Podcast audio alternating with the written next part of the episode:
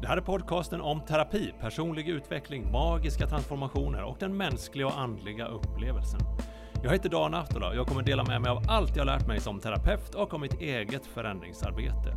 Det är här du träffar banbrytande terapeuter och helare, inspireras av andras framsteg och utmaningar och tar dig steg för steg från illusionen tillbaka till verkligheten. 1, 2, 3, öppna ögonen, nu kör vi!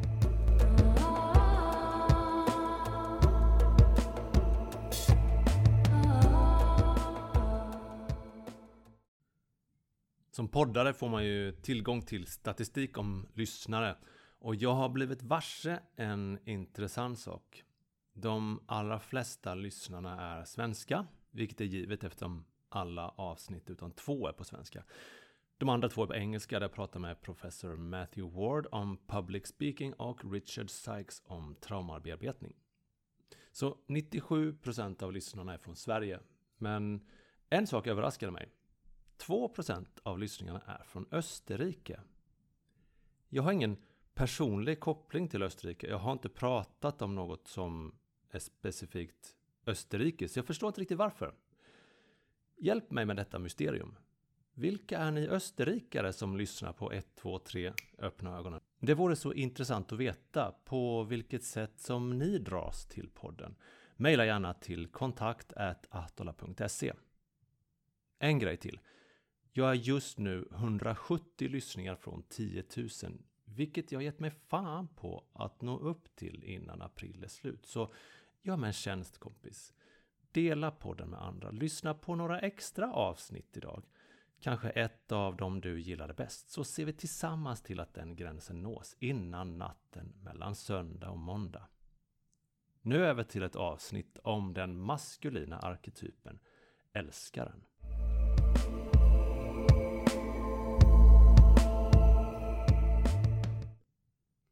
Känner du igen dig i bilden av den maskuline mannen som hård, oberörd och rationell? En stenstod som inte låter några jävla brudiga känslor påverka honom. Jag överdriver för effektens skull såklart, precis som actionfilmens hjältar är överdrifter. Fullständigt iskalla inför kaoset som utbryter överallt omkring dem, som kan skjuta dussintals skurkar utan att blinka och sen hångla upp en läcker maram medan eftertexterna rullar. Att inte vara i kontakt med sina känslor eller inte låta sig påverkas det minsta av dem har ansetts som något eftersträvansvärt för män. Så till den grad att pojkar uppfostras till att bita ihop, skärpa sig, inte gråta, inte vara arga. Men vet du vad? Det är fan inte manligt att inte känna. Det är barnsligt. För vad jag tror det handlar om utifrån mitt eget liv, min egen resa i min personliga utveckling och utifrån att ha träffat många män som terapeut. Att många män är så rädda för att känna. Att man gör allt för att trycka undan den här konstiga energin som rör sig i kroppen. Det, mina vänner, det är farligt för din mentala hälsa. Detta är den tredje delen om de fyra maskulina arketyperna som bygger på boken King, Warrior, Magician, Lover av Robert Moore och Douglas Gillette. Vi har pratat om magiken, krigaren och i detta avsnitt älskaren. Om du är som jag så tänker du nog att nu blir det snaskigt för när det handlar om älskaren, då blir det sex. Och det kommer det också göra lite grann. Men vi ska vidga begreppet en aning. Sexualitet som ett kärleksuttryck är inte bara något som sker mellan vuxna människor när de är nakna, även om det kan vara tydligast så. Utan vill vi komma närmare den sexuella energin som är en livskraft. En kreativ, skapande livsenergi som strömmar genom allt. Denna livskraft är vad som binder samman det gudomliga med det mänskliga. Vad som främst definierar älskaren är livskraften och energin, passionen, levandet, en livfullhet, närvaro i själva varandet. Älskaren bär på en stor hunger. En hunger för sex, mat, njutning, skapande, syftet med allt och sökandet efter det där spännande som finns runt nästa krök. Han är en utforskare av allt det vi inte kan vara utan. Älskarens drivkraft är att tillfredsställa hungern. Det är en älskog, inte bara människor emellan, utan med livet självt. Många män är nog lite obekväma med arketypen älskaren. Vi är inte vana att uppleva livet och omvärlden på det sättet. Utan vi växer upp med en mer faktisk och logisk blick. Fokuserade på görandet och nästa steg. Älskaren är den som tar in alla intryck från omvärlden. Han är sinnlig, alltså kroppslig, fysisk och tar in och upplever med alla sinnen. Och det gör att han kan känna en koppling till allt i omvärlden genom sin empati och inlevelseförmåga. Som kan se på växter och djur och på sitt sätt kommunicera med dem. Denna empati är viktig för dig för att känna att du har en plats. Du har en mening i världen. Givetvis är älskaren som mest närvarande i kärleken. Att förälska sig är ett rent uttryck av uppskattning av sinnesintrycken och det finns få saker som gör att vi kan vara så närvarande som i kärlek eller sex. Genom vår emotionella och fysiska förening ger vi oss till det gudomliga och låter oss vara i den världen. Det är där vi upplever extas. Du tar in och känner din älsklings doft. Är uppmärksam för ansiktsuttryck, ton, för det subtila i hennes energi. En förälskad person blir mer öppen för de små uttrycken för skönhet och liv. Han är mer uppmärksam på och kan njuta av saker som fågelsång, ett barns skratt, vindens beröring av träden. Världen ser annorlunda ut, ljusare mer levande. Men vad gör älskaren för nytta i vårt samhälle? Jo, främst tror jag det handlar om att ta in, att uppleva och känna med någon annan som älskaren har en viktig roll att fylla nu. Han gör att vi förstår att vi är samma. Att vi är kopplade till varandra. I boken hävdar de att älskaren är öppen för och kan ta in det kollektiva undermedvetna som Jung pratar om. Det empatiska sinnet gör att man också känner andras smärta och mörker. För många män är det skrämmande att visa känslor för det innebär att visa svaghet. Och att visa svaghet är farligt och kan innebära att man blir utesluten ur gemenskapen. Om vi ser på ett mer primitivt perspektiv. Så vi lär oss att därför kapsla in dem. Att ha tillgång till empati är att kunna se andras känslor och därför förstå varandra bättre. Att kunna förstå andras skam eller rädsla och veta att det behöver inte vara farligt. Att kunna relatera till andra och se oss som samma. Se det vi har gemensamt. Älskaren hjälper oss att vara öppna för känslor. Negativa såväl som positiva och att inte stänga av någonting. För vi behöver kunna uppleva allt inom oss för att vara oss själva fullt ut. Att Känna alla känslor gör oss levande. Älskaren är källan till våra andliga upplevelser. Speciellt om vi är inne på mysticism som i sitt starkaste uttryck innebär en förening med alltet och Gud. När empatin och inlevelseförmågan med allt omkring oss uttrycks starkt blir det svårt att förneka att vi hör samman. Inte bara vi människor, utan att vi är gjorda av samma beståndsdelar och energi som allt annat. Och det pratade jag ju om förra veckan med psykologen Filip Bromberg. Att känslan av sammanhang och gemenskap är fundamental för en människas psykiska hälsa. Något som vi ofta förbiser i ett samhälle där vi isolerar oss i våra små enheter bakom våra skärmar och tror att vi umgås när vi är inne på våra sociala medier. Det är inte omöjligt att du isolerar dig just nu med lurar i öronen som försvårar kontakt med dem omkring dig. Men för all del, lyssna klart på avsnittet först och glöm inte att ge ett riktigt bra betyg till podden efteråt, alltså en femma. Vi behöver riktig gemenskap och det är där arketypen älskaren hjälper oss med empati och anknytning. I boken sägs att älskaren oftast kan ses hos konstnärer och det kanske inte var så oväntat.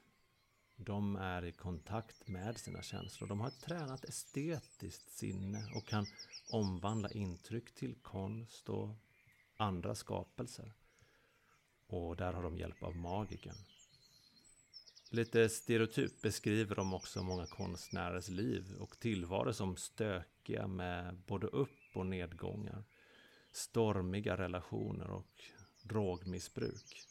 Och vi kommer till den delen senare. En annan grupp där älskaren är stark är hos mediala människor. Förmågan att ta in vibrationer, läsa andras underliggande meningar och avsikter. De kan se det som andra inte ser och uttyda tecken och genom att hjälpa andra att tolka binder de samman det som inte kan ses eller förstås av alla med den materiella världen. Men också i alla sammanhang där vi kan finna att vi älskar någonting bara för att vi älskar det. Främst menar jag de materiella ting. Som att vissa har en speciell sorts öl som slår an någonting medan andra öl inte gör det. Det kan handla om att känna en nästan erotisk laddning inom sig för en viss bilmodell. Det kan jag relatera till. Att en bil kan vara sexig. Personligen känner jag det för Tesla Model S. Och deras andra modeller? Nej. Model S är för mig en, en sexig kvinna. Jämför det med en Polestar som är en maskulin bil och väldigt attraktiv också. Andra kan känna en oerhört stark passion för tavlor eller musik från en speciell epok eller för en författare. En del nördar ner sig i ånglok som de i boken kallar blanka svarta fallosar. Ja, det kanske är en lite väl freudiansk tolkning och ni ångloksnördar får göra vad ni vill med den. Men det är inte en intellektuell dragning utan det är något i känsligheten för det man tar in med sina sinnen och att tillåta sig att svepas med i det. För mig är älskaren tydligast i mitt jobb. Jag vet inte om det är där han är starkast, men mest synlig. Då talar jag förstås om intuitionen. Den är en mycket viktig del när jag jobbar. Att vara öppen i sinnet för de bilder, intryck, energi eller ord som kommer till mig och våga lita på dem. Jag ser det som en form av högre vägledning som hjälper mig att guida klienten för att den ska kunna åstadkomma sin förändring på sitt vis. Tycker du att det låter lite flummigt och oseriöst så ha i åtanke att många av världens mest framgångsrika coacher, terapeuter och andliga ledare anger intuitionen som sitt främsta verktyg. Där kan jag nämna bland annat Tony Robbins och Eckhart Tolle. Vill du levla som terapeut och undvika att ta på dig andras energi eller bli utbränd? Använd intuition. Jag är uppmärksam på de signaler och den energin som kommer från klienten och det sker på ett omedvetet plan.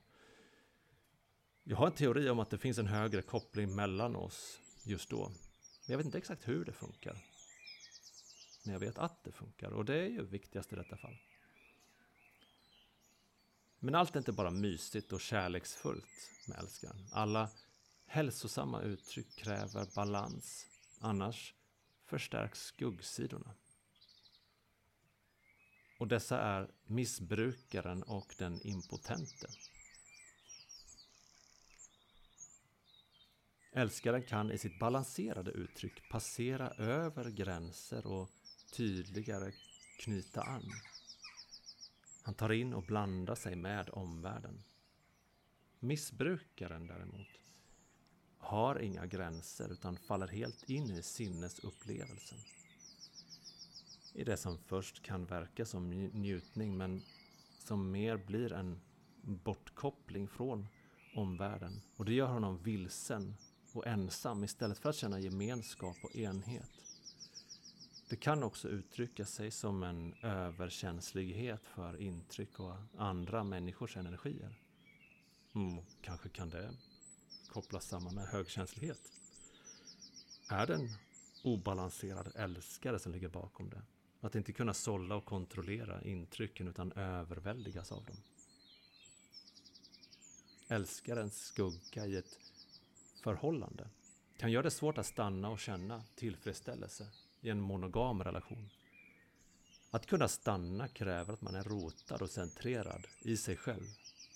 Det kräver självkännedom och ett medvetet beslutsfattande. Det kräver gränssättning och målmedvetenhet. En monogam, lojal och trogen man behöver balansera älskare med krigar och kungaenergin inom sig. Hans inre struktur är grunden för hans välmående och lycka och är inte beroende av något utanför för att ge stabilitet. Missbrukaren är ständigt på jakt efter en alltigenom pågående orgasm. Att bli hög på intryck och känslor. Han är rastlös och kan inte sitta stilla och vara stabil. Och du ser säkert hur det knyter an till drogmissbruk också. För lite av älskaren inom oss leder till en slags impotens. Uteblivna känslor, en flathet. Ingen entusiasm eller driv. En monoton tillvaro där inget ger samma känsla av att vara levande. Det drabbar ofta människor som presterar under hög stress, som prokrastinerar och ger allt de sista timmarna innan deadline. Höga på adrenalin och dopamin och kickar på att få det gjort. Men när det lugnar ner sig och man går in i en lugnare period så infinner sig en brist på dessa signalsubstanser. Och vad känner man då? Brist på driv, lust, passion, glädje och den som gång på gång går igenom detta riskerar att falla in i depression. En slags känslomässig impotens där inget händer. Och som ni vet leder ofta depression till en fysisk impotens. Att vara frånkopplad sina känslor är också riskabelt då det kan leda till att man känner sig frånkopplad från livet. Att bli desillusionerad, overklighetskänslor och vilsenhet. En dyster bild, eller hur? Att balansera älskaren inom dig kan ske genom att få bort det som blockerar dina känslomässiga energier. Ofta handlar det om att se närmare på vad du lärde dig om känslor som barn. Fick du vara ledsen? Eller arg? Kunde dina föräldrar uttrycka sina känslor och lära dig att de inte är farliga? Var det okej okay att snöa in på en passion, att få förlora dig i konst, litteratur, musik eller bara skönhet och estetik? Eller var det viktigare att göra nytta och få bekräftelse för hur du presterade?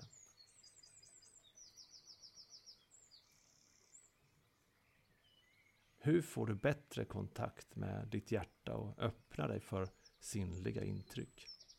Nummer ett. Kontakta din favorithypnotisör. Nummer två. Skapa eller finna en rutin för stillhet, inkännande och närvaro. Meditation, andning, yoga. Det finns så många sätt. Nummer tre. Var ute i naturen. Nummer fyra. Det finns vissa naturmediciner som vi till exempel pratar om i avsnitt 31 som underlättar för att komma i kontakt med inte bara dina känslor utan även naturen och helheten. Men se där till att du är påläst och du ska såklart inte bryta några lagar. Hur harmoniserar älskaren de andra arketyperna? Utan älskaren skulle de andra arketyperna inte ha samma förmåga att relatera till andra människor. Han gör dem humana, medkännande och gör att de kan känna empati. Han hjälper krigaren att se till att alla inte ses som fiender. Livet är inte bara uppdraget. Han kan se det sårbara i andra. Älskaren påminner dem alla om grunden och det högsta syftet, kärlek. Utan honom kan de hänfalla åt sadism. Älskaren ger dem koppling till livet.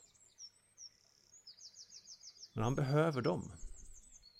Kungen ger honom något väldigt viktigt, nämligen gränser, tydlighet och håller kaoset i schack, vilket ger möjlighet till en strukturerad kreativitet. Krigaren gör att han kan agera beslutsam och med mål. Att inte bara vara upptagen med vad som känns. För allt i livet kräver inte att vi känner. En fokuserad närvaro är nödvändig när vi arbetar och får det som behöver göras gjort. Som att jag får detta avsnitt inspelat till exempel. Magiken gör att älskaren lättare kan reflektera. Och att se igenom känslor och intryck som annars kan ha en så lockande och tilldragande effekt. Han hjälper dem att kunna vara i verkligheten. Och i verkligheten vill vi ju vara närvarande i det som är. Se klart, njuta av nuet. Att beslutsamt välja när det är tid för passion och vara levande i ögonblicket. Det gör den mänskliga upplevelsen så underbar. Det är så jävla härligt att leva, om du vet vad jag menar. Jag vill avsluta med ett citat från Gud. Det finns så många sätt för människan att älska. Det är vår främsta och allra mest njutningsfulla användning av våra sinnen. Att uppleva kärlek. Tack för att du lyssnade. Jag uppskattar dig verkligen. Inom tre dagar från att detta släpps vill jag nå 10 000 lyssningar. Så sprid gärna denna podd och de avsnitt som du gillar bäst. Bye bye. Hej då. Nakamin hyvästi kitos.